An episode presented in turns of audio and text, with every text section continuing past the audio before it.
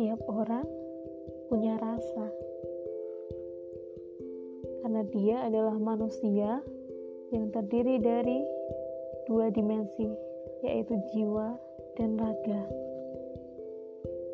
Dan di dalam jiwanya itu ada rasa.